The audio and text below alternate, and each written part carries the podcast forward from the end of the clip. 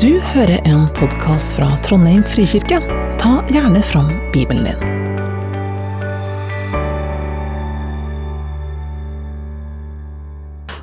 Altså, Jeg har litt trange bukser på meg, så smekken går litt opp, men den er ikke helt oppe. Så dette, ikke se på han. Um, han er så langt oppe som han kan gå før han går ned igjen. Alright. Det var jo en kjempedårlig intro. Men uansett, veldig kjekt å få lov til å være her sammen med dere. Eh, har dere det greit i dag? Ja, så bra. Her er liksom Guselevene. De er fulle av hormoner fortsatt og fulle av trøkk og tro. Bra. Spør resten. Har dere det fint òg? Ja, passer greit. ja. Eh, veldig, veldig bra. Utrolig kjekt å få lov til å være her in the great city of Trondheim. Eh, det er stas. Jeg, eh, sa det til Ingebrigt, men jeg har ikke pleid å være så mye i Trondheim. Men faktisk, eh, jeg har vært i denne andre etasjen for første gang for tre uker siden. ish. Da var jeg her òg og delte litt grann, og var med på noe som heter M4 Ready. oppstarten av det, Og så er jeg tilbake igjen! Det er jo et godt tegn. Så dette skal jeg faktisk tilbake i november, men da ikke her. Men da er det sånn kristent eh, lærerstemmene der jeg skal forhåpentligvis si noe bra om livsmestring. Så jeg gruer meg litt til det, for at jeg bare sa ja fordi de betalte så bra. Nei, bare tuller. Eh, og så eller gjorde jeg egentlig det? Eh, og så eh, vet ikke jeg helt hva jeg skal snakke om det her, men uansett, Trondheim er tiden for i høst, så det er veldig gøy å få lov til å være her sammen med dere.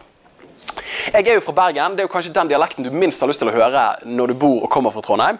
Eh, beklager, men da må du bare vite at jeg òg bærer et kors med å komme hit og høre på den dialekten som snakkes her. Eh, så dette må kanskje vi bare forenes i det. Så bra. Du, konge, en liten sånn presentasjon på hvem jeg er. Dette er familien min. Eh, heter Daniel, rukket å bli 30 år eh, gammel. Eh, født i 1992, 14. august. Og så er jeg sammen med min livs store kjærlighet, som er viktigere enn alle de andre tingene jeg holder på med, nemlig Helene. Hun er òg 30 år. Og vi feiret 60-årsdag. Eh, for et par uker siden, så vi liksom smakte litt på pensjonisttilværelsen eh, med en stor fest på Tertnes bedehus. Sammen så har vi en datter som heter Anna på fire og Jakob på to. Og så har vi klart å få til noe som vokser i magen til min kone der termin er 1. februar. Så hvordan har du det, Sæbjørnsen? Jeg eh, har det bra, men det er intenst. Eh, og eh, sånn ser denne familien her ut, da. Eh, så det er veldig, veldig bra. Barn er intense velsignelser for de som ennå ikke har fått det. Og Det er en fin måte å formulere det på, for da tar du inn over deg hvor utrolig smertefullt det er. Men òg hvor rikt det er på samme tid. Så det er intense velsignelser. Ingebrigt nevnte dette. Eh, jobber i Passion Åsane, menighet vi plantet for ni år siden, eh, som er veldig fint. Og reiser og preker, og så jobber jeg i det som heter Preach. Og alle tingene har en podkast hver, så klart. Og så har vi òg Bibel på podkast, hvis du har lyst til å høre Guds ord på den måten. Og eh, jeg var snakket for noen konfirmanter på søndagen i Hardanger. Og så sa jeg ja, hvis du syns det er litt sånn urettferdig at Gud ga en bok hvis du har dysleksi eller noe sånt, så finnes det håp. Vi har lest Bibelen på bergensk. Eh, Det går nok sikkert rett hjem her i Trøndelag. bare, bare droppe den sliden der. Men uansett, en stor nyhet da, før vi kommer til poenget, det er nemlig dette. Eh, Det at jeg gir ut faktisk min første bok, tro det eller ei. Og det skjer nå på fredag. Nå, det er nå dere skal si 'wow, come on', liksom. Um, men det skjer nå på fredag, og vi lanserer ikke den før da. Men jeg fikk eh, ti stykker, så nå har jeg eh, åtte stykker, syv her. Jeg har forlaget på liksom preview, så de har lov til å selge ut. Så hvis noen har lyst til å kjøpe etterpå, så, eh, så er du faktisk først i Norge. Så det er veldig veldig kult. Så jeg ikke legger det ut på Instagram før fredag. Så bra. All right. Da hopper vi i materien vi skal snakke om. Jeg har fått overskriften, eller vi har overskriften 'Gud er død'. Og med den catchy undertittelen 'Fra Nietzsche til Trump'. Og det er jo mest tabloid for at du skal følge med og håpe at jeg sier noe om Trump. Eh, men uansett, Gud er død. Og jeg ber en helt kort bønn, selv om vi har bedt en bønn. Jesus, takk for de øyeblikkene vi deler her. Og jeg ber om at eh, i løpet av disse minuttene her, at du beriker vår tanke. Men mer enn det så ber vi om at du berører våre hjerter. Som igjen leder til hender som beveger seg i etterfølgelsen av deg, Jesus. I ditt veldig gode navn. Kom, Gud den hellige ånd. Amen. Amen. Så bra, så bra. Du, dette spørsmålet, eller utsagnet 'Gud er død', hvor mange har hørt det tidligere? Sant? Veldig bra. De fleste. Du skal litt til å ikke ha hørt det. Men dette her er jo coinet av den tyske filosofen og kulturkritikeren Friedrich Nietzsche. Og han sa det vel eh, på, eh, på 1800-tallet en gang. eh, der han sa at Gud er død. Og Det leste han vel ut ifra det er vel en bok han har som heter 'Slik talte Saratustra', der dette utsagnet kommer fra. Gud er død. Og Hvis du er litt sånn som meg, som liker språk og formuleringer, artikuleringer og sånne ting, sikkert ikke så mange, men dette er jo tre enstavelsesord. Har du tenkt på det før? Gud er død. Og det er akkurat som å si det er nesten catchy. da. Altså Det er en bit i disse ordene her. Gud er død. Gud er død. Altså Det er, det er en fin syntaks i formuleringen. og jeg, jeg forventer ikke at alle har tenkt på det, men jeg satt liksom og jobbet med den formuleringen, det, bare sånn, det klinger jo gysla bra, akkurat det der. da. Gud er død. Og det har nesten en bit til seg, og denne biten har blitt på mange måter paradigme, som er et fint ord for måten vi tenker om verden og virkeligheten. Nemlig at vi forklarer tilværelsen uten Gud. Og Bare den tanken på å forklare verden og virkeligheten og se våre liv i lys av ikke en gud, begynte som en, liksom en tankeøvelse blant eliten i opplysningstiden på 1700-tallet til å bli forholdsvis mainstream i løpet av de siste 100 årene. At vi forstår vår tilværelse uten Gud. Og hvis du da mot all formodning er en av de som jeg tror på Gud, liksom. Jeg elsker Jesus. Hvis du er en av de bakstrebere som ikke har fått med deg at det har kommet noe som heter iPhone 14, og at vitenskapen har beveget seg videre, og vi trenger ikke Gud til å forklare denne verden, så må for all del denne gudstroen din pakkes godt inn i skapet. Og så må det være i den private sfæren eller personlige sfæren, så du kan ha som en liten sånn sentimental effekt til å trøste deg når livet er litt tungt. Men du må for all del ikke ta det med inn i den offentlige samtalen, for det er ikke rom for en fortelling, en metaforståelse av virkeligheten av at Gud er med der. Det går jo bare ikke. Og så har du sånne bakstrebere som da trenger Gud fortsatt en krykke i livet, eller som er hjernevasket, som jeg hørte når jeg vokste opp på Danielsen ungdomsskole. At jeg var en av de superkristne. Du er hjernevasket. Og da var min replikk tilbake. Det er bedre å ha en vasket hjerne enn en skitten hjerne. Prøv å si den på NTNU. Jeg har i hvert fall en ren hjerne, min venn og mitt barn. Neida. Men før vi liksom tar helt av her oppe på berget For vi kan jo bli litt høy på oss sjøl her i Vesten, der vi tenker at liksom, Gud er død, han er ute av ligningen, og hvis du fortsatt regner med han, så er du et litt svakt menneske. Men faktum er at majoriteten av verdens befolkning har jo alltid trodd på en gud. Og før vi liksom egotrippa helt her oppe på berget så gjorde Pew Research Center en undersøkelse i 2015 der de så på hvor mange var det som var ikke-religiøse. Og Da fant de at 1,16 milliarder var ikke-religiøse. Altså da 16% eller 1,17 milliarder, 16% av verdens befolkning sa at de ikke trodde på en gud. Og vi bare tenkte come on, liksom. Så masse mennesker som endelig har forstått at opplysningstidens idealer that's reality. Men så sa de men da har vi et problem, da. For det er fortsatt 7,3 milliarder mennesker som fortsatt tror på en gud av noe slag. Da. Og så sa de at Innen 2060 så vil faktisk prosentandelen ikke-religiøse synke fra 16 til 13% Og Det er ikke nødvendigvis pga. at det blir færre ikke-religiøse, pga. at de andre religiøse de får utrolig masse barn.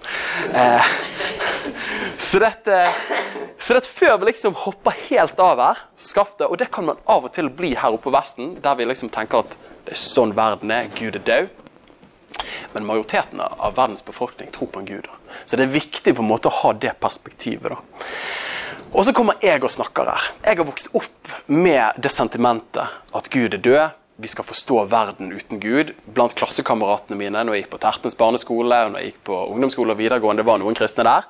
Eh, men rundt meg i storsamfunnet så var ikke Gud en del av bildet. Og Jeg hadde gjerne klassekamerater som sa de var kristne, men det var mer kulturkristne. Men liv og praksis var ikke til stede. da. Jeg vokste opp i en forholdsvis superkristen familie. Eh, der vi gjorde gøye ting på søndagene. Vi hadde flagg og vi hadde tamburin og masse greier. Hvis du har vært der, så har du vært der. Du vet hva jeg kommer fra. Men i slutten av barneskolen så fikk jeg behovet for å liksom ta ut avstand til den kristne tro, og syntes at det var liksom, Hva er det dette handler om sånn egentlig? Er det bare at mamma og pappa lager kul taco på lørdagskveld, og så går vi i kirken på søndag, og så er de snille, og så bør jeg tro på disse greiene her, for jeg syns det er litt rart. Og Da gikk jeg inn i en fase der jeg stilte spørsmål er dette sant jeg har vokst opp i. Kan jeg tro på det? Og Så var det en periode der jeg gikk fram og tilbake, og så hadde jeg det som jeg beskriver som et sterkt gudsmøte i åttende klasse, der Jesus ble veldig virkelig for meg. Og i de påfølgende årene der, og egentlig her, til her jeg er i dag, har det vært en reise å stille spørsmålet er det sant dette her? Kan jeg tro på det? Er Jesus troverdig? Kan jeg legge min vekt på det? Og så kan man innvende, Nå tror jeg majoriteten av dere som er her, er forholdsvis kristne. Hvis ikke du er det, konge at du er her. Og som Ingebrigt sa, da kan du være med på en interessant opplevelse. Håper jeg skal gjøre dette interessant for deg. Men så kan man innvende Daniel, du er determinert til å tro. Siden mor og far tvang deg til søndagsskolen og sa at i dag så har du to valg. Enten å dra på søndagsskolen eller å dra på søndagsskolen. Um, hvis du har vokst opp sånn, så vet du hvordan det er. Jeg går fortsatt sjelesorg. Nei da. Uh, men, men jeg hadde behovet for å gå bort ifra det. For å ikke bare ha en arvetro, men å ha en valgt tro. Og jeg kom tilbake igjen med den samme overbevisningen, eller en egen overbevisning. Ikke bare min mor og far sin, men at jeg velger å tro på Jesus. Og jeg hadde ikke bare en arvetro, men jeg hadde en valgt tro. Og Hvis du da sier som en ikke-religiøs eller ikke-kristen ja, men du var forutbestemt til å tro, siden du vokste opp med foreldre som trodde, så kan det samme argumentet vendes rett tilbake igjen. Og si at ja, men da, min kjære venn, så er du òg forutbestemt mest sannsynlig til å ikke tro. For du mest sannsynlig vokste opp i en familie som da ikke trodde. Er du med meg? Da blir min utfordring å stille til deg i så fall. Har du bare en arvet sekulær verdenssyn? Eller har du et valgt sekulært verdenssyn? For du har sett på bevisene og landet på at det er det som er mest troverdig. Er du med meg? Så det jeg har lyst til å utfordre deg med alt det jeg snakker om i dag. Ja, er det bare en arvet livssyn du har fått, eller religiøs overbevisning, eller er han valgt? Og eh, Friedrich Nietzsche sa Gud er død, og mye av vårt sekulære samfunn sier akkurat det samme. Spørsmålet er men er han virkelig det? Er han virkelig det? Og Det har jeg lyst til å snakke med dere om i dag. Men da trenger vi først å stille spørsmålet hvordan kom vi hit vi er i dag? Og jeg, jeg vet ikke hvordan det er med deg, men jeg elsker idéhistorie. Er det noen av dere som liker å gå inn på YouTube og bare liksom søke på 'History of Philosophy'? Nei. Men da skal du være glad jeg er her, for jeg skal prøve å forenkle det veldig. da. Eh, for vi trenger ofte å få det enkelt. Jeg trenger å få det enkelt. Det er derfor vi går på YouTube. De som virkelig har lyst til å kunne det, går jo på høyskoler og sånt, og universiteter og sånt. Men why bother wasting five years when you can use 50 minutes on YouTube, liksom. Come on, baby. Eh, og så kan du gi ut en bok etterpå. Nei da. Eh, men uansett, hvordan kom vi her vi er i dag? Gud lever, eller gudene er levende. Det hadde vært en totalt egentlig fremmed ting å si for en del århundrer siden. Ja, Det best normale ville jo vært å sagt ok, Gud lever, men det ville vært rart å bare sagt det. For da ville man da hatt et behov for å underbygge at Gud finnes. Men for en del århundrer siden så ville jo det vært totalt fremmed. For hele verden og virkeligheten, hele tilværelsen, var jo forstått under den horisonten at det finnes en gud bak det hele. Så det, det vi har sett de siste århundrene med at vi skriver Gud ut av fortellingen, er et forholdsvis nytt påfunn. I takt med opplysningstiden som vi er en del av, der det har skjedd veldig, veldig mye. Men om så man går tilbake til antikken og de antikke filosofene som Aristoteles Han er jo et spennende navn å lese om. Men han hadde en teleologisk virkelighetsforståelse. Og det ordet teleologi det har jeg forelsket meg i de siste årene. Det er ikke helt det samme som teologi, men det er mye teleologi i teologien. Hva mener du med det, Sæbjørnsen? Jo, Teleologi det kommer av det greske ordet 'telos', som betyr formål, mening. Så dette, En del av disse greske filosofene trodde ikke på en personlig gud, sånn som vi gjør, men de trodde på en overmenneskelig ordning eller en ultimat virkelighet, som de gjerne kalte logos. da. Som var verdensordningen bak det hele. Så det var ikke bare vilkårlig at du og meg satt der i dag, og at vi levde og at vi pustet, men det var en kraft bak det hele. Hvert fall. Så hadde de ulike begreper og forståelser for det. Men Aristoteles trodde da på en teleologisk virkelighetsforståelse. At alt som var til, hadde et telos, et formål, en mening. Som da gjorde at, at ut ifra formålet og meningen med en ting, så kunne man lese funksjonen av den tingen, og da trekke ut moral av det. Så for eksempel, og for å bruke et banalt eksempel Hvis du da hadde en arm så hadde den en funksjon. Sant? Men hvis du kuttet av armen, så ville du ødelegge funksjonen til armen. Er du med meg på det? Det er p-matte-teologi. Eh, da ville det per def vært en umoralsk handling, for da ødelegger jeg funksjonen. Jeg ødelegger teluset med den armen. Er dere med meg? Eller for å bruke et mer kontroversielt eksempel i disse tider, men det er jo litt deilig å gjøre det, det er jo at jeg er en mann. Å, er du det? Ja, jeg er en mann. Og sånn jeg er skapt, så kan jeg befrukte en kvinne. Det er sånn telos er. Det er sånn funksjon er. Da kan vi trekke ut en moral av det. Ville da en teleologisk virkelighetsforståelse sagt at pga. at det er slik det fungerer, så er det det som er det moralske her. da. Og Vi kristne vi har òg en teleologisk virkelighetsforståelse, bare at vi bruker litt andre ord på det. Husker dere Johannesevangeliet, det første kapittelet og det første verset? Der kommer han og sier at i begynnelsen var Ordet. Og Det norske ordet så er jo fra gresk, og det er ordet logos. da. Så Johannes han er en skikkelig luring der. Der tar han gresk filosofi, og så sier han dere vet dere tror på denne verdensordningen. Denne liksom ultimate virkeligheten. Logos, som en upersonlig kraft. Så sier han i begynnelsen var logos. Og logos var hos Gud. Og så kap kaprer han hele greiene, sier han. Og logos var Gud. Og så går han videre og sier at det logoset, det er JC, Jesus Christ. Og Der kommer vi kristne inn, og vi tror òg på en teleologisk virkelighetsforståelse. At det som er, kommer av og fra noen, nemlig Gud selv. Og Vi bruker ikke ordet teologi, først og fremst, men kanskje vi snakker om skaperordninger. Har du hørt det ordet før? Dette er en skaperordning. Hvis du går på et bedehus eller en menighet og snakker med noen eldre, dette her er en skaperordning. Slik skal det bare være. Sant? Eller vi snakker om den moralske lov. Noen ting er selvinnlysende, eller den naturlige lov som Thomas og Queeners ville snakket om, som et uttrykk for den evige lov som Gud har. Nå bruker jeg mange fine ord, men henger dere med? Jeg ble advart at dere i Trøndelag så viste dere entusiasmen på innsiden av og til. Eh, og det er en veldig fin ting. Og husker når jeg begynte å preke i Kristkirken i Bergen, så kom pastoren til meg etterpå og sa Daniel, du må huske på at stillhet er òg en respons. Ja. Eh, det er for så vidt sant, men det er kanskje ikke den man alltid lengter etter. Men uansett. Så det at verden har alltid i stor grad hatt en teleologisk virkelighetsforståelse. At det finnes en gud bak. Og Hvis det da finnes en gud bak, så finnes det en intensjon og det finnes det også en moral bak det hele. Men med opplysningstiden, ca. fra den engelske revolusjonen i 1688 til den franske revolusjonen i 1789, som kalles liksom opplysningstiden litt sånn karikert Eller karikert, men liksom veldig forenklet så har man beveget seg bort mer og mer fra en teleologisk virkelighetsforståelse. At det finnes en gud og en skaper og en intensjon bak det hele. Til en mer materialistisk virkelighetsforståelse. Det du kan ta på, de fine kropper og biceps og triceps, det er det som er virkelig. Og så er det rasjonaliteten. Det som går opp i P-matten og T-matten, og her i Trondheim så er det R-matte som gjelder. Sant? Det som går opp der, det er det som er virkelig. Men så sier teologen og pastor og helten til så mange av oss, Timothy Keller, han sier at late modern culture, altså den postmodernistiske kulturen vi er en del av, is the first culture based on a rejection of a sacred order.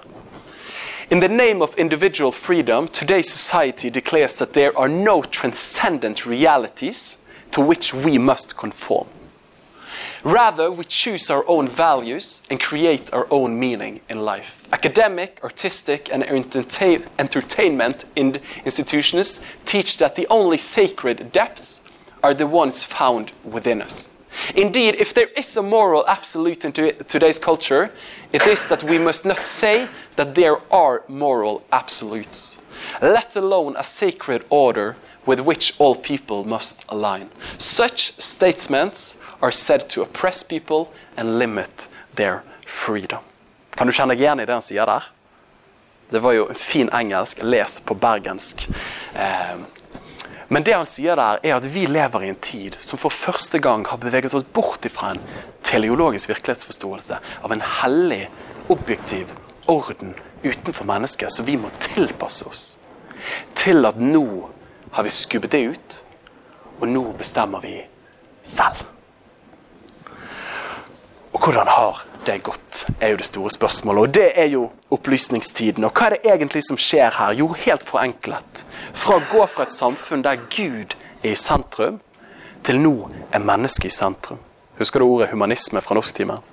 forferdelig kjedelig. Vi går fra Gud i sentrum til mennesket i sentrum. Vi har gått fra en transcendent virkelighetsforståelse til en immanent virkelighetsforståelse. Immanent betyr bare det menneskelige, det jeg kan sanse med mine sanser. Og fra at vi skal erkjenne rammene, til at nå skal jeg selv få bestemme rammene. Åh! Nå begynner det å bli spennende, folkens, for dette har implikasjoner for alt. Og jeg må jo si, det er jo bare en parentes.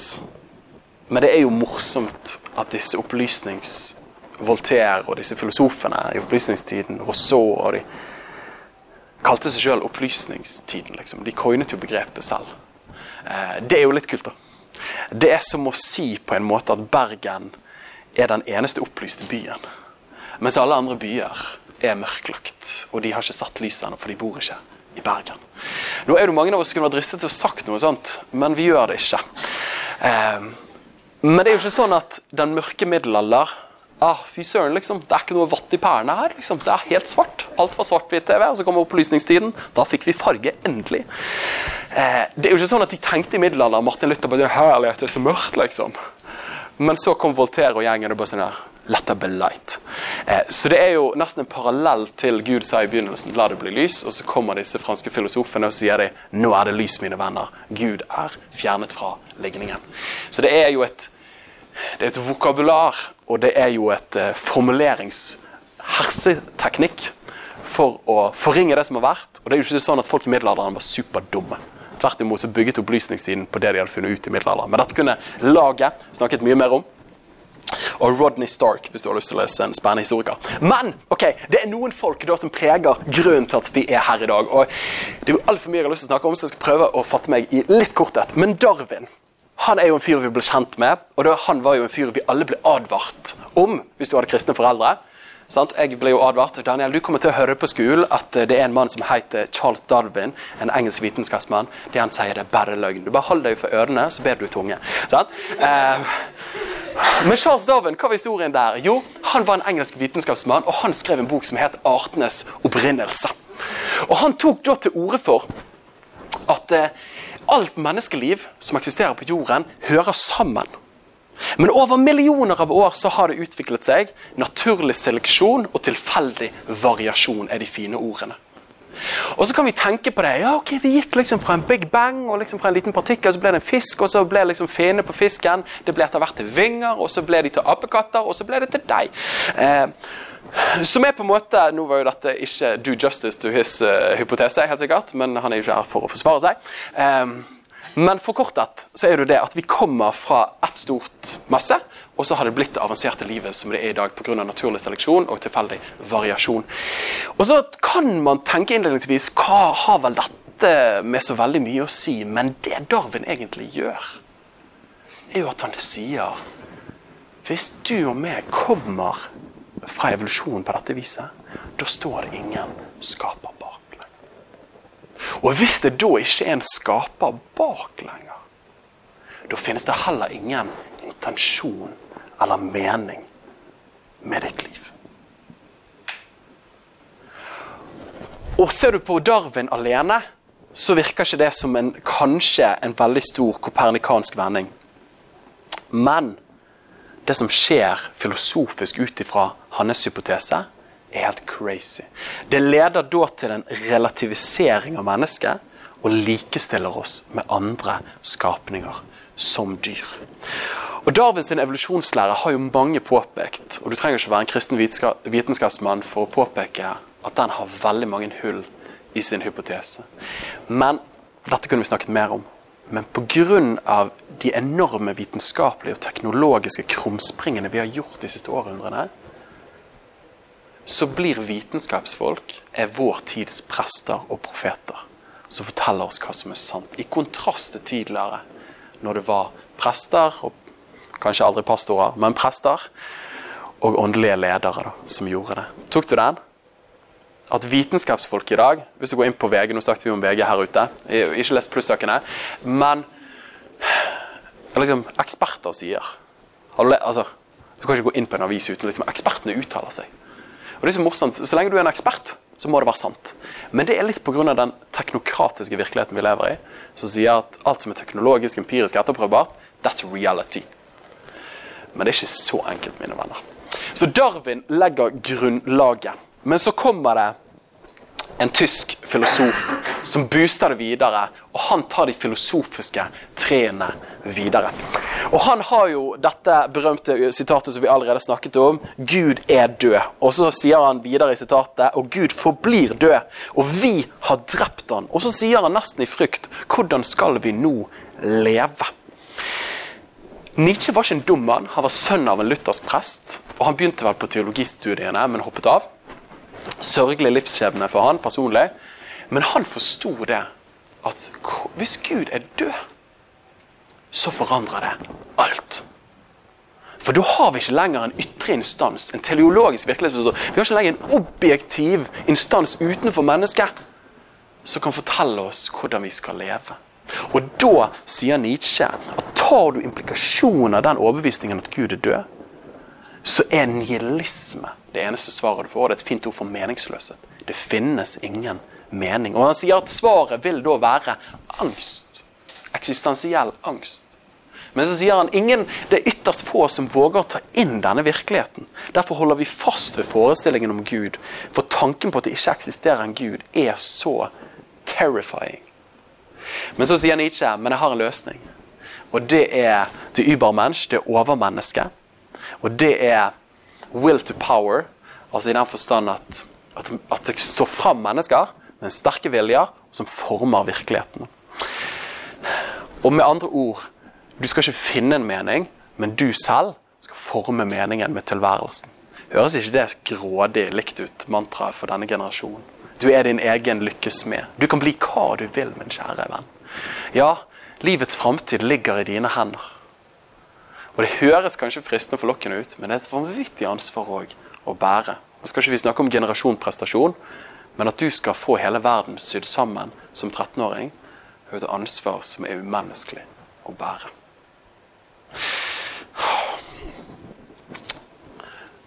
Så han, Nietzsche, mener at Gud er død. Og det som da finner sted Et fint ord.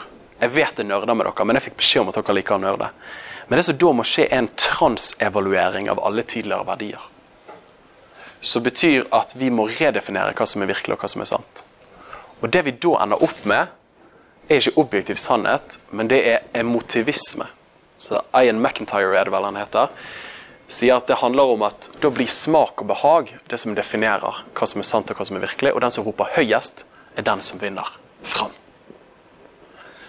Og, og nå kunne vi trukket noen linjer til samtiden vår, men er ikke det de interessegruppene som kanskje roper høyest, som får lov til å definere hva vi holder for sant i samfunnet vårt? Mm, come on, preach Danny Boy. Eh, og så har vi en venn av enkelte, ikke min venn, men Marx. Og han, Hvis da Darwin ligger det vitenskapelige grunnlaget, så kommer Nietzsche og tar det opp på et filosofisk plan. Og så kommer Marx og tar det opp på et politisk plan. Og Marx er jo født sint. Altså Han er jo hissig, eh, og det han er opptatt av, er væpnet revolusjon.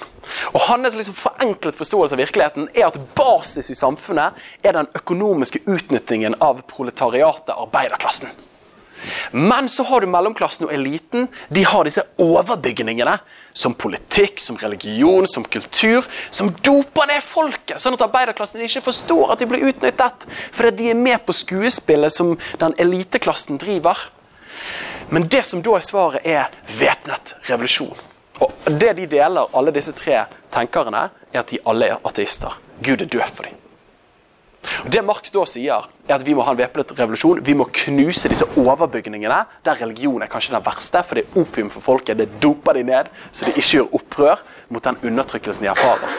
Og Du har sikkert hørt uttrykket 'undertrykket' og 'undertrykker'. Har du hørt de begrepene i dette samfunnet? Det er en gavepakke fra Marx fra 1800-tallet. Som vi gjerne skulle vært foruten. Men det blir en forenklet forklaring av virkeligheten. Og han sier, og dette ordet her er interessant Men for Marx, pga. at Gud er død, og det eneste som er virkelig, er utnyttelsen av arbeiderklassen, så finnes det ingen prepolitiske rettigheter eller objektive sannheter. Tok du den? Så det at samfunnsstrukturen, kjernefamilien, er alt en konstruksjon fra den ledende eliten for å undertrykke arbeiderklassen, så er det ingen objektive sannheter som vi kan forenes om før det politiske, altså prepolitisk. Det betyr at everything is up for grabs, og da handler det om å vinne fram politisk, sånn at vi kan definere alt annet. Dette er spennende. Og dette igjen bygger over på disse fine ordene modernisme og postmodernisme. Kan du bare ta en sånn kjapp recap? da? Hvis det ikke finnes en skaper, så finnes det intet design. Og hvis det ikke finnes et design, så finnes det ingen intensjon. Og Hvis det ikke finnes en intensjon, så finnes det ingen moral. Og hvis det ikke finnes noen moral, så finnes det ingen ansvarliggjøring. Og ut ifra opplysningstiden så får vi disse deilige ordene her, modernismen og postmodernismen. Modernismen er jo et ektefødt barn av opplysningstiden, som sier at bare det du får under mikroskopet, det er det eneste som er virkelig. Sant? Det du kan ta og føle på, det du empirisk kan etterprøve, positivismen altså Det er bare det som er reelt. Og det preger samfunnet vårt i veldig stor grad. Men så har du òg liksom, den tvillingbroren til modernismen som hater liksom, modernismen, men som likevel er siamesisk tvilling, som er postmodernismen, som sier at hei, folkens, jeg går ikke med på at det er liksom bare det du kan etterprøve som er virkelig, og den objektive, harde, kalde sannheter. Postmodernismen handler om at vi må ta steget over til individet. Det er det jeg føler på innsiden som er reelt og virkelig. Men det er begge deler er forståelsen av at Gud er død, men de er uenige om veien til sannhet. Modernismen sier at det er det som er etterprøvbart gjennom vitenskapen. Og postmodernismen sier at det er det som er på innsiden av meg, som er virkelig. De hater hverandre, og så elsker de hverandre. Og Dette igjen ser jo vi i møte med politikken progressivisme, konservativisme. og Dette kunne vi snakket mye mer om. Superspennende. Men begge i litt sånn rendyrket folk, form lengter jo etter utopia. Sånn? Progressivismen vi må framover. Det er jo en, altså en gavepakke fra Marx. det er jo på en måte, Vi må framover. Vi må knuse disse undertrykkende, eh, undertrykkende patriarkalske tingene som vi har arvet gjennom generasjoner. Vi må knuse det. Vi må framover. Det er det, Og så får du liksom demokratene i USA, liksom veldig karikert, nå skal ikke ta alle i en bås. Og så får du liksom litt sånn hissig venstresidepolitikk.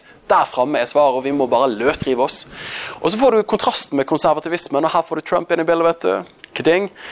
Vi må tilbake igjen to the good old days, liksom. Utopia. Alt var så mye bedre før i tiden. Og så får vi disse kontrastene her, da. Åh, Jeg syns litt synd på dere, for jeg føler jeg bare nevner masse navn her. Men det går greit? Det går greit, Solveig? Ja, ok, bra. Leslie Newbegin. Han var skotsk biskop til India. og Han hadde vært der i flere tiår som biskop. Og Så kommer han tilbake til England og Storbritannia. Det er vel, jeg vet ikke om det er på 70-80-tallet han kommer tilbake igjen. Og så kjenner han ikke igjen samfunnet. Og så sier han i sin analyse, han var en supersmart tenker, eh, så sier han at i tiden framover så vil politikk bli den nye religionen. Og hva mente han med det? Jo, det han mente var konservativisme og progressivisme. At når Gud ikke eksisterer lenger, så finnes det ikke noe prepolitisk lenger. Som gjør at da blir politikk den viktigste arenaen. For de som roper høyest der, de får retten til å definere virkeligheten. Ok, vi har kommet hit. Progressivisme, modernismen og postmodernismen. Og da blir det store spørsmålet Stemmer dette da? Stemmer dette da? Det er en radikal endring i å forstå verden på. Det vi har gjennomlevd gjennom opplysningstiden og der vi er i dag. Og vi puster luften av disse filosofiene og disse paradigmene uten at vi aner det. Altså, Hvor mange av oss bruker ikke ord som liksom Jeg må finne ut hva som er liksom sant for meg. Og det er liksom, Vi bare puster liksom eksistensialisme og eh, Sartre, liksom. Eh, franske filosofen. Vi bare puster det uten å være klar over det. Og C.S. Lewis, som er en god venn av oss alle her inne, han sier det sånn som dette her. The Christian and the materialist hold different beliefs about the universe. They can't both be right. The one who is wrong will act in a way which simply doesn't fit the real universe. Og det syns jeg er så bra sagt. Altså, For det finnes bare én virkelighet. Consequently, with the best will in the world, he will be helping his fellow creatures to their destruction. Altså med andre ord, Materialisten som tror på en verden uten Gud, og den kristne har vidt forskjellige måter å forstå virkeligheten på. En av de vil nødvendigvis leve på en måte som ikke samsvarer med virkeligheten. Og da har jeg lyst til, og det er jo ingen hemmelighet hvor jeg kommer fra, jeg har jo svart belte i kristendom, altså jeg tror jo på Jesus. Og jeg har lyst til å løfte opp? Og Når vi snakker innenfor apologetikk, så snakker man om plausibilitet. Sånn. Sannsynlighet. Hva er mest sannsynlig? Um, og Da har jeg lyst til å løfte opp noen aspekter og noen ting til å tenke over som vi kan snakke mer om etterpå. Men hvis vi tar for oss modernismen først, som har vært liksom det dominerende paradigmet Gud er død, men mikroskopet lever, heldigvis, og det kan fortelle oss alt om virkeligheten. Og En ekteført barn av modernismen er jo en positivistisk vitenskapsforståelse. Hva er rammene her? Bør det være ferdig til sånn 2045? Ja. Da prøver vi på det. Senest. Ingen som har lyst til å dra over, men uh... Men ektefødt barn, positivistisk vitenskap, hva handler det om? Jo, det handler jo nettopp dette her. Og her må jeg si, da At ofte så tenker man at kristne er imot disse tingene her. Tvert imot. Les en filosof som heter Charles Taylor. Han gjør et glitrende arbeid med å vise til at faktisk så mange av de verdiene vi holder for sant i dag, har Den kristne kirke vært med å løfte fram. Da. Men hva betyr det her, jo? Jo, det betyr jo det at vi tenker veldig enkelt i dag at veien framover til progresjon i samfunnet og for oss mennesker, det er vitenskapen. Hvor ofte har ikke man hørt det? Det er jo på en måte liksom det dominerende paradigmet i skolevesenet. I hvert fall når jeg er på skolen. At liksom vitenskapen er det som tar oss fram mot en, liksom en lykkelig framtid der framme. Og da sier han Charles Taylor han sier det sånn at før den kristne troen kom, så var kroppen og den materielle verden mindre viktig og reell. Men etter den kristne troen kom, så trodde man det at Gud hadde skapt mennesket og verden, at det var en lovgiver bak.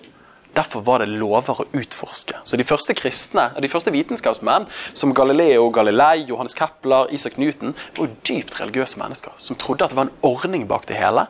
Derfor var det verdt å bedrive vitenskap. Men svakheten med denne Altså at vitenskap skal forklare oss virkeligheten, er jo at alt har ikke en vitenskapelig forklaring. Helt enkelt. Og det finnes ikke en teknisk løsning for alt som er kjipt, og det finnes ikke en pille for alt som er ille. Og jeg tenker I møte med kompleksiteten av ondskap, f.eks. Det finnes ondskap i verden rundt oss. Det finnes ondskap i oss sjøl som mennesker. Og det finnes det som tilsynelatende er overnaturlig ondskap. Snakk om nazistene. sant? Demonisk ondskap. Og Der vil kristne snakke om, om verden, skjød og djevel. Men du finner liksom ikke vitenskapelige begreper for de tingene der. Og Hvis vitenskapen var det store evangelium som skulle bare ta oss inn i himmel på jord, burde ikke vi liksom ha kommet dit nå? Er dere med meg? Da burde vi alle sippet liksom på en uh, alkoholfri cocktail og liksom Vi kan ikke drikke alkohol. Burde vi sippet på det og, og ligget på en badering på Ayanapa hele gjengen og bare liksom made love, not war mot hverandre? Men det er jo ikke tilfellet. Og jeg tenker akkurat i disse dager, hva er det viten, vitenskapen bidrar til? Jo, det er en mer avansert krigsmaskin enn vi noen gang har hatt. Så vi høster resultatene av på vårt kontinent i disse dager, mens vi snakker nå. Så vitenskap i seg sjøl, jeg kjøper ikke den at det kan være svaret på tilværelsen. Og jeg vil påstå da at vitenskap kan gi oss mål på virkeligheten, men den kan ikke gi oss meningen med virkeligheten. Et annet ektefødt barn av eh, modernismen er en progressiv historieforståelse. Tanken som gjør seg gjeldende at hei, folkens, du, vi lever tross alt i 2022, liksom. Å, har du hørt det før? Vi lever tross alt i 2022. Du kan ikke ha de holdningene. Vil ikke du gå i pride-tog, liksom? Oh my goodness, liksom. Vi lever i 2022. Hva er det du holder på med? Og da kjenner jeg bare sånn Kyrie eleison. Herre, miskunne deg Hvorfor det? Jo, fordi det er en observasjon at vi lever i 2022. Det er jo ikke et argument i det hele tatt. Der sier han Charles Taylor òg at den progressive historieforståelsen er òg en frukt av den kristne tanken. Før den kristne troen var mye av historieforståelsen syklisk. At ting bare gikk igjen og igjen. Men så kom den kristne lærer som sa at det var en skapelse, Jesus kom, og det vil komme en ende. Historien går framover på et vis. Men vi har ikke en naiv tilnærming som sier at alt blir bare bedre idet kalenderen og klokken beveger seg framover. Timothy Keller han påpeker det. Han sier at eh, det er jo interessant at på begynnelsen av 1900-tallet var mange en stor del av den vestlige intelligensiaen, eliten, tenkte at sosialisme og kommunisme var svaret. Men det viste seg da å ikke være svaret. Sant? Og mange tenkte at fascisme var svaret. Det viste seg i all høyeste grad ikke var svaret. Så det argumentet som sier at vi lever i 2022, det er ikke et argument. Og C.S. Lewis han har jo deilig sitat på det. Han, han, kaller det kronologisk snobberi. At vi tenker at bare idet klokken og kalenderen beveger seg framover, så blir alt mye bedre. Jeg tenker, Skru på nyhetene i dag, så ser vi det at det er ikke tilfellet. Og Hvis den sekulære tesen som var i opplysningstiden, som sa at idet vi bare får litt flere studiepoeng og litt mer realfag, så kommer verden til å bli fantastisk. Da burde jo nok en gang den sekulære tese ha levert til nå. da. Er ikke dere enig? Ok, Så det var to ektefødte barn av modernismen. Så har vi postmodernismen, som er litt gøy å snakke om.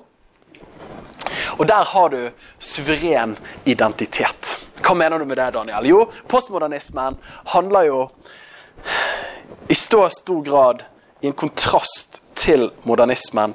Men der sannhet ikke lenger finnes under mikroskopet, men sannhet finnes i meg og deg. Og Du har helt sikkert hørt disse sitatene. her. Jeg må finne ut hva som er virkelig meg. Og Det er jo det foreldre sier til alle barn. Vet du hva, Nå må du bare dra ut i verden så må du bare finne ut hva som er autentisk for deg, mitt kjære barn. Å, herlighet. Tenk å gi dem en oppskrift til tragedie. Nei, nei, bare tøyser litt, men jeg mener det litt òg. Du må følge hjertet ditt. Du må være deg sjøl og ikke bry deg om hva andre sier. Vær tro mot deg sjøl. Ikke la andre fortelle deg hvem du er. Og Dette kaller sosiologen Robert Bella for 'expressive individualism', eller Timothy Keller 'suverene selve'. Jeg vet best sjøl. Sannhet bor ikke utenfor meg. Det bor rett inni her. Emosjonene, hjertene, følelsene, preferansene som jeg måtte eie og foretrekke til enhver tid. Her òg kan man påpeke før den kristne tro så det som betydde noe, var i mange samfunn klan, familien. Og du hadde ikke så veldig mye av en egen stemme. Så kommer den kristne tro og sier at hvert menneske er skapt i Guds bilde, og at du skal stå ansvarlig for livet ditt. Den kristne troen var med å løfte verdien til individet.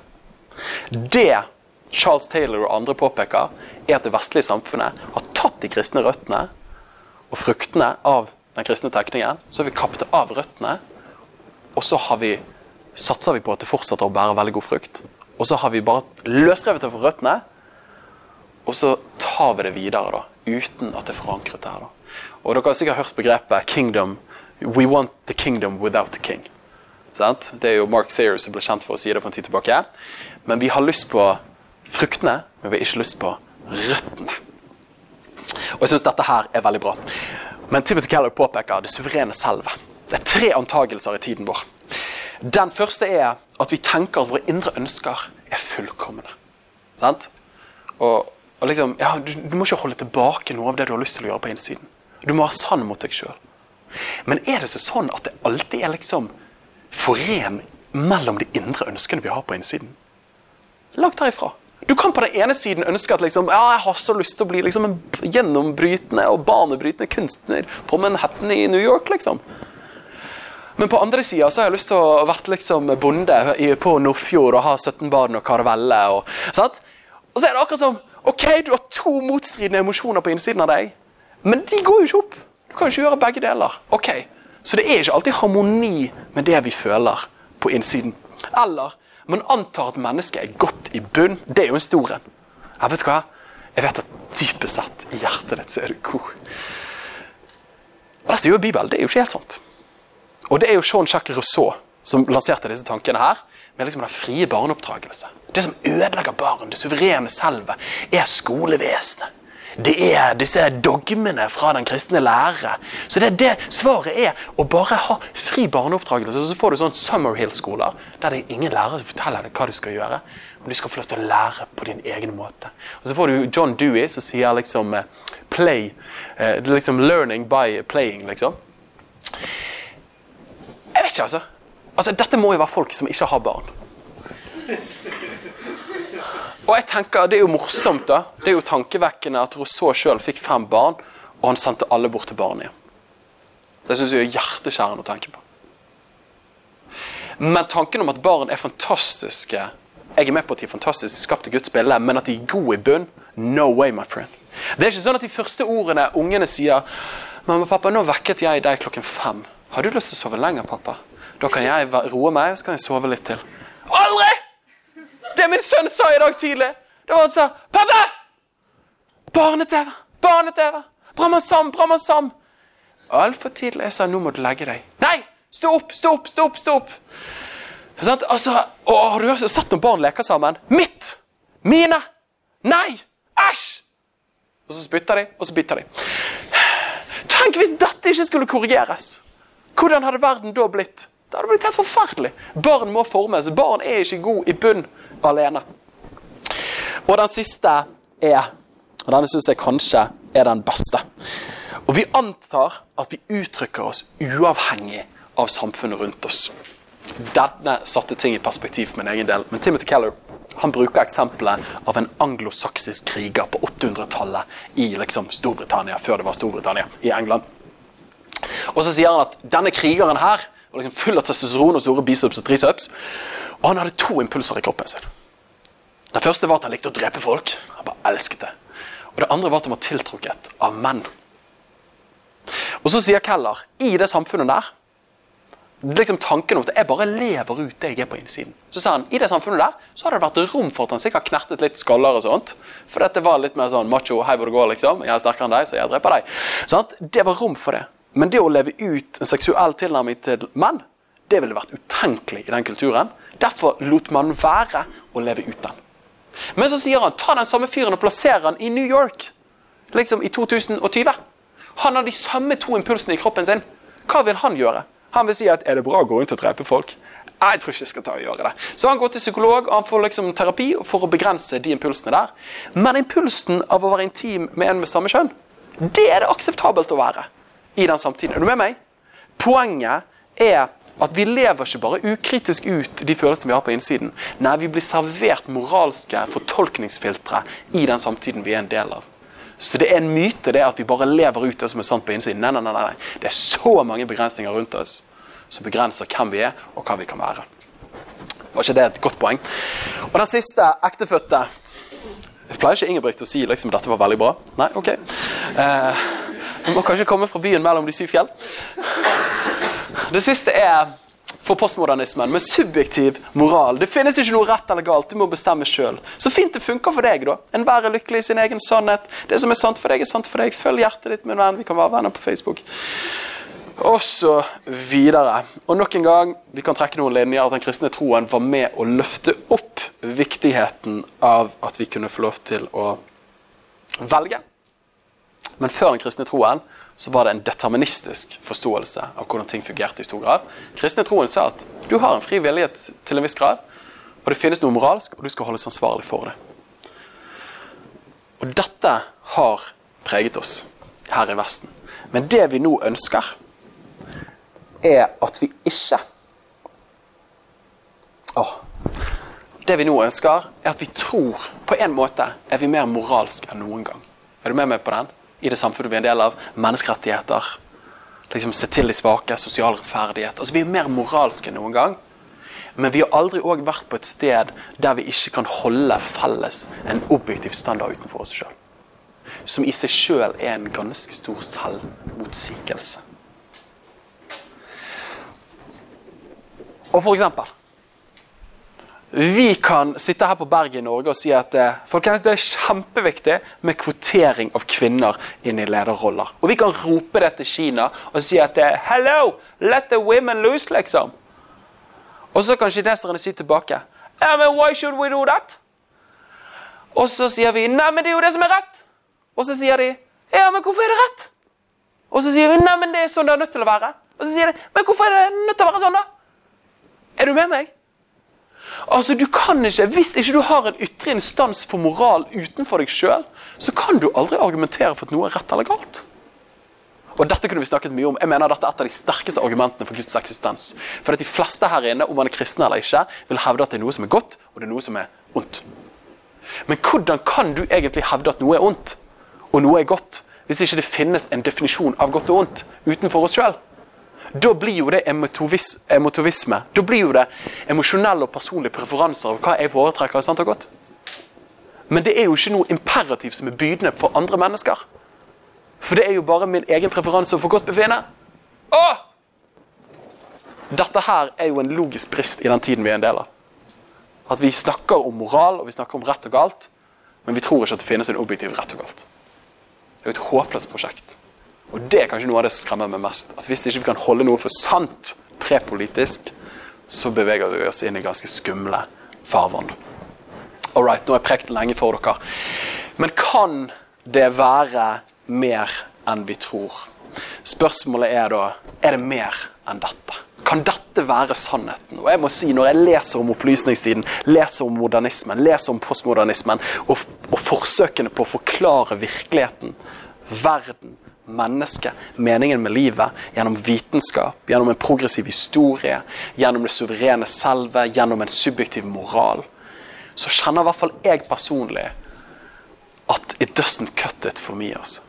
Jeg får ikke alle andre svar nødvendigvis, men de svarene som blir presentert der, opplever jeg som utilfredsstillende. Og jeg tror, sånn som Forkynnerens bok sier, at evigheten har Gud lagt ned i menneskets hjerte. Jeg tror at Uansett hvem du snakker med, hvis man er ærlig med seg sjøl, så lengter vi etter noe mer enn dette. Det må være noe mer enn dette. Ja, Uansett liksom hvor cutting edge du måtte leve, uansett om du feirer hvert nytt år og tenker at liksom, nå kommer utopia ned fra himmelen idet rakettene kommer ned igjen. Så Uansett liksom hvor flink du måtte være på skolebenken og være utrolig flink med vitenskap, er det det som stiller din sjel til ro når du legger deg? Er det det du håper på idet du trekker din siste pust og bare tenker fantastisk, nå går tiden framover. Yes. Nei, jeg tror vi lengter etter mer. Og En fransk teolog sa det sånn som dette her, at man is incurably religious. Vi lengter etter noe mer. Og C.S. Lewis sier det sånn som dette her. If we find ourselves with a desire that nothing in this world can satisfy, the most probable explanation is that we were made for another world. Og Han gjør det argumentet at når du er tørst, så finnes det vann til å tilfredsstille den tørsten. Når du er sulten, så finnes det mat til å tilfredsstille den hungeren. Ja, når du er trøtt, så finnes det søvnens hvile til å mette det behovet. Men lengsel som vi alle bærer, om evighet, om uforgjengelighet, det som varer, en kjærlighet som virkelig tilfredsstiller, å høre ordene 'tilgitt' Ingenting foran oss med øynene under mikroskopet kan tilsynelatende mette det hulrommet i menneskets hjerte. Og da sier han hvis det da finnes noe som tilfredsstiller alle andre behov, må det ikke da finnes noe som kan tilfredsstille det. Augustin sier det så vakkert i sin selvbiografi. Fra å være en ateist og ikke fulgt Gud eller fulgt andre religioner. Når han kommer tilbake igjen, sier han Gud, du har skapt oss for deg. Og vårt hjerte urolig inntil det finner hvile i deg. Åh! Gud, er han død? Tvert imot den kristne troen sier at han er oppstått. Det er jo vårt klimaks. At vi tror at Jesus døde og stå opp igjen. Og Jesus er så frimodig og sier at 'jeg er veien, sannheten og livet'. Veien til den tilfredsstillelse ethvert menneske hjertet lengter etter, har et navn, nemlig Jesus. Kristus. Og Da sier C.S. Lewis til slutt kristendommen er en påstand mine venner, som hvis den er usann, så er den uten betydning. Kan ikke vi være enig i det? Da er det totalt uten betydning, og da bør Nidarosdomen slutte å få statsfinansiering, for dette er bare et symbol som ikke betyr noen ting. Så er han uten betydning. Men hvis han er sann, er den av uendelig betydning. Det eneste han ikke kan være, er sånn, sånn passe viktig. den kristne troen enten usann og totalt ubrukelig, eller det viktigste spørsmålet du tar stilling til gjennom hele ditt liv? Da er mitt spørsmål til deg hva tror du?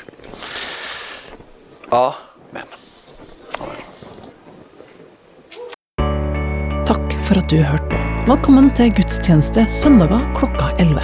Mer informasjon finner du på trondheim.frikirke.no.